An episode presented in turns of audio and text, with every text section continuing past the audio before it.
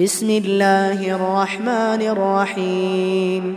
ألم تر كيف فعل ربك بأصحاب الفيل؟ ألم يجعل كيدهم في تضليل؟